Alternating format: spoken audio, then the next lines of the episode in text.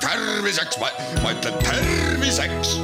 saade valmib koostöös Ida-Tallinna Keskhaiglaga, vaata ka itk.ee tere, head Kuku kuulajad, eetris on saade Terviseks ja kui me eile rääkisime südame tervisest, siis tänasel teemal jätkame. mina olen Ingela Virkus ja koos minuga on stuudios Ida-Tallinna Keskhaigla Südamekeskuse juhataja ja kardioloog Heli Kaljusaar. tere! ning kardioloog juhtivarst Henri Kaljumäe. tere! Me rääkisime eelmises saates elustiili harjumustest, mis südamehaigusi soodustavad ja ainuüksi nende muutmisest ning näiteks siis mõõdukast alkoholist ja mittesuitsetamisest reeglina piisab, et püsida kaua terve, et mulle tundub, et inimeste teadlikkus on äh, aastatega paranenud, et suitsetamisest on justkui hakatud loobuma, alkoholi juuakse vähem, et kas teie näete ka seda oma töös, et mis puudutab südame tervist, siis see on viimaste aastatega paremaks läinud? Kahjuks ei, ei näe ma seda igapäevases töös, sest me Henriga töötame haiglas, kardioloogia osakonnas ja meie juures on enamjaolt rasked südamehaiged. ja seetõttu võib meile jääda nagu ekslikult mulje, et, et olukord ei ole muutunud. et me niisugust ähm, ambulatoorset tööd küll on, aga seal on nagu ka pigem ikkagi niisugused keerukamad ja, ja komplitseeritud haiged aga tegelikult on muidugi loomulikult toimunud vaikselt järjepideva paranemine ning suremus südame- ja veresoonkonna haigustest on viimastel aastakümnetel vaikselt langenud. maailmas on riike, kus kardiovaskulaarne suremus on sedavõrd olulise langustendentsiga, et südame ja veresoonkonna haiguste surmade arv on isegi madalam võrreldes vähkkasvajatest põhjustatud surmadega kuid kahjuks Eesti ei ole üks, paraku üks nendest riikidest. Eestis on endiselt kõrge risk südame-veresoonkonna haigustesse haigestuda. tõepoolest, suitsetajate hulk Eesti elanikkonnas väheneb vaikselt ja tõenäoliselt osatakse ka alkoholiga mõistlikumalt ümber käia. kuid mida me näeme, on see, et ühed riskitegurid asenduvad teistega nagu me eelmises saates mainisime, siis probleemiks on kujunemas rasvumise pandeemia ja see probleem ei ole mööda Eestist ka läinud. et üle viiekümne protsendi Eesti elanikkonnast on ülekaalulised või rasvunud ning see on tegelikult koht, kuhu me peame panustama. inimeste liikumisharjumused, sealhulgas koolinoorte ja laste regulaarne kehaline aktiivsus paraneb vaikselt, kuid endiselt on liiga tagasihoidlik, rääkimata toitumisharjumustest paraku on nii, et südame-veresoonkonna haigused on äh, siiski peamiseks surmapõhjuseks maailmas veel. et äh, kellel neid probleeme ennekõike esineb, te ütlesite ka, Heli, et äh, teie puutute pigem kokku nendega, kellel on juba tõsisemad südamehaigused, et kes need inimesed siis on näiteks, kes on teie patsiendid? no loomulikult südame- ja veresoonkonna haigused on elustiilihaigused ennekõike see tähendab seda, et eh, risk haigestuda mõnesse südamehaigusesse on kõrgem neil, kel esineb mitmeid riskitegureid haiguse kujunemiseks. oluline on aru saada, et, eh, et see kardiovaskulaarne südame-veresoonkonna haiguste risk on üks suur tervik ja see tervik koosneb väikestest komponentidest. näiteks mittemõjutatavad riskitegurid nagu meessugu, vanus ja pärilikkus neid ei ole meil võimalik muuta ka siis, kui me väga tahaksime ja oleks väga ekslik arvata, et kõik vanemaealised mehed saavad automaatselt südame-lihasinfarkti. vastupidi, et need inimesed, kes ei suitseta, tarbivad väheselt alkoholi, toituvad mitmekülgselt ja, ja tervislikult, kes liiguvad regulaarselt, kes magavad piisavalt, säilitavad normaalset kehakaalu ja tegelevad vajadusel oma teiste tervisemuredega see tähendab, need inimesed, kes hoiavad oma kardiovaskulaarsed riskitegurid madalad, need inimesed tõenäoliselt ei saa kunagi südame-lihasinfarkti. ja oluline on selle juures ka see, et need inimesed, kes äsja mainitud riskitegureid, nende teguritega suudavad edukalt toime tulla, nad vähendavad ka paljude teiste terviseprobleemide kujunemise tõenäosust. ja kahjuks on ikkagi nii, et, et need riskitegurid käivad käsikäes see tähendab seda, et, et inimene, kes tarvitab regulaarselt alkoholi, rohkem alkoholi, kui ta võiks tarbida, toitub tõenäoliselt ebatervislikumalt, liigub tõenäoliselt vähem, suitsetab tõenäolisemalt ja on suurema tõenäosusega ka ülekaaluline ja noh, loomulikult eksisteerib erandeid, ja, ja loomulikult oleks ka väär arvata seda, et, et me võime kompenseerida ühte kahjulikku harjumust mõne kasuliku harjumusega et jah, et tõenäoliselt sellises situatsioonis loomulikult selline summaarne või, või kumulatiivne risk tervisele on küll madalam, kui meil on nende kahjulike harjumuste kõrval ka kasulikke harjumusi, kuid selline mõtteviis oma olemuselt on tegelikult vale kui elustiiliharjumusi saab iga inimene ise muuta, siis äh, kuidas pärilikkusega on, et alustame võib-olla sellest, et kas südame-veresoonkonna haigused on üldse pärilikud, et äh, kui näiteks peres on esinenud selliseid haigusi, et siis üsna tõenäoliselt võib ka näiteks lastel ja lastelastel neid äh, kergemini tulla.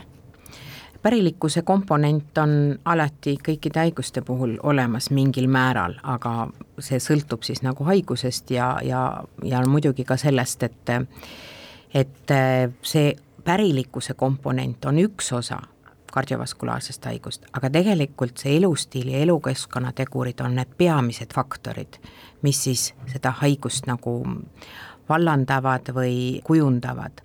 et erinevatel allikatel määravad need faktorid ära seitsekümmend kuni üheksakümmend protsenti juhtudest, kas inimene saab diabeedi, südamelihase infarkti, kroonilise kopsuhaiguse või ei saa seda.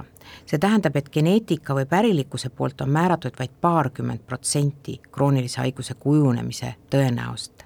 näiteks on teada, et on olemas üle tuhande geenidefekti, mis võivad põhjustada verekolesterooli taseme tõusu ja need on need inimesed, kes ainuüksi elustiili muutustega ei saavuta kunagi normaalseid kolesterooli tasemeid veres. See tähendab, et need inimesed vajaksid kindlasti kolesterooli taset kontrollivat ravi selleks, et langetada ateroskleroosi ja südameinfarkti riski. eriti just selles kontekstis, kui nende perekonnas on neid kardiovasulaarseid haigusi ja äkksurmasi olnud varases eas.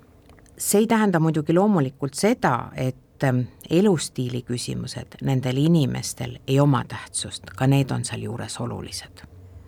Et ühesõnaga ei ole arust arvata, et meie hädade taga on ainult pärilikud probleemid, vaid pigem see pärilik komponent on üks osa ja sinna juurde tuleb siis elustiili küsimused kui tihti võiks siis käia näiteks ka täiesti terve inimene aeg-ajalt igaks juhuks ikkagi kas siis perearstil või mingitel lisauuringutel, et hoida oma südame tervisel silma peal? no eks inimene on ikka terve nii kaua, kuni tal mõni haigus diagnoositakse, et ka pealt vaadates või näiliselt tervel inimesel võib esineda tegelikult mõni oluline krooniline haigus, kuid see ei ole lihtsalt endast varasemalt märku andnud või ei ole inimest piisavalt põhjalikult eelnevalt uuritud.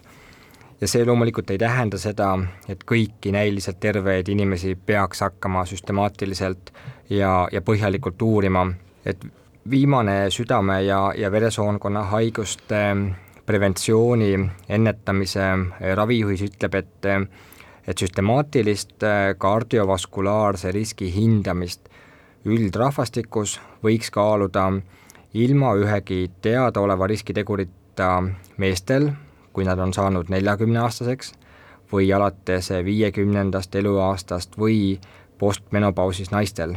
kui aga inimesel on tuvastatud ükskõik milline oluline südamehaiguse riskitegur, näiteks vererõhuhaigus, suitsetamine, rasvumine, või kui näiteks on teada, et inimese perekonnas on esinenud olulisi südamehaiguseid noores eas, siis nende inimeste kardiovaskulaarset riski tuleks kindlasti regulaarselt hinnata ja, ja vajadusel siis reageerida õigeaegselt. me võime eeldada, et kui inimesel olulisi riskitegureid ja kaebuseid ei ole, et siis ka niisama täpsustavaid südameuuringuid teostada ei ole vaja, aga loomulikult äh, heaks tavaks on see, et, et tööealised ja töötavad inimesed käivad ikkagi rutiinselt töötervishoiuarsti juures kontrollis ja, ja loomulikult, äh, et kui teadaolevalt varasemalt tervel inimesel on siiski sügavam mure või soov oma, oma tervislikku seisundit hinnata, et siis see on samamoodi alati tervitatav. milliseid uuringuid siis täpsemalt tehakse, et kuidas sellest südamest tervislik selline pilt saadakse? Et üldiselt siiski algab riskitegurite kaardistamisest, ehk see, et me vestleme patsiendiga, me mõõdame tema vererõhku, me teeme talle kardiogrammi ehk EKG ja niisugused põhilised vereanalüüsid, mis annavad meile niisugused viited, et kas võiks seal esineda taga südamehaigust.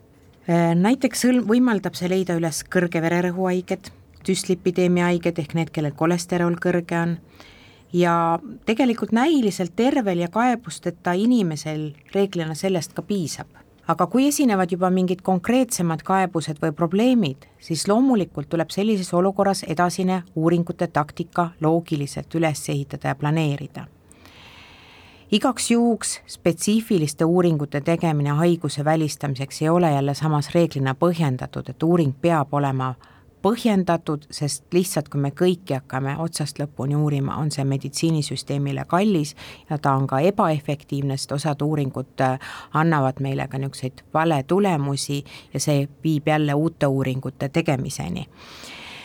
Eksisteerib loomulikult ka teatud erandeid, näiteks rinnavähi, jämesoolevähi skriinimine, mille puhul on leitud, et see on kuluefektiivne ja avastab vähki õigeaegselt et hoopis teistpidi, aga see kardiovaskulaarses äh, käsitluses küll mitte, et ikkagi me räägime, küsime perekonna anamneesi ja kaardistame need riskifaktorid.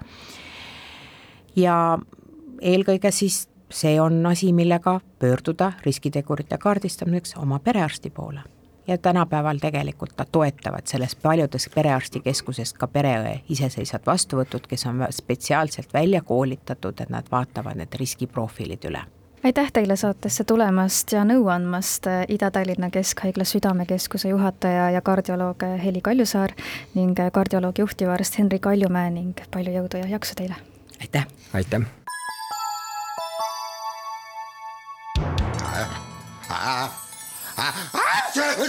terviseks, ma ütlen terviseks. saade valmib koostöös Ida-Tallinna Keskhaiglaga, vaata ka itk.ee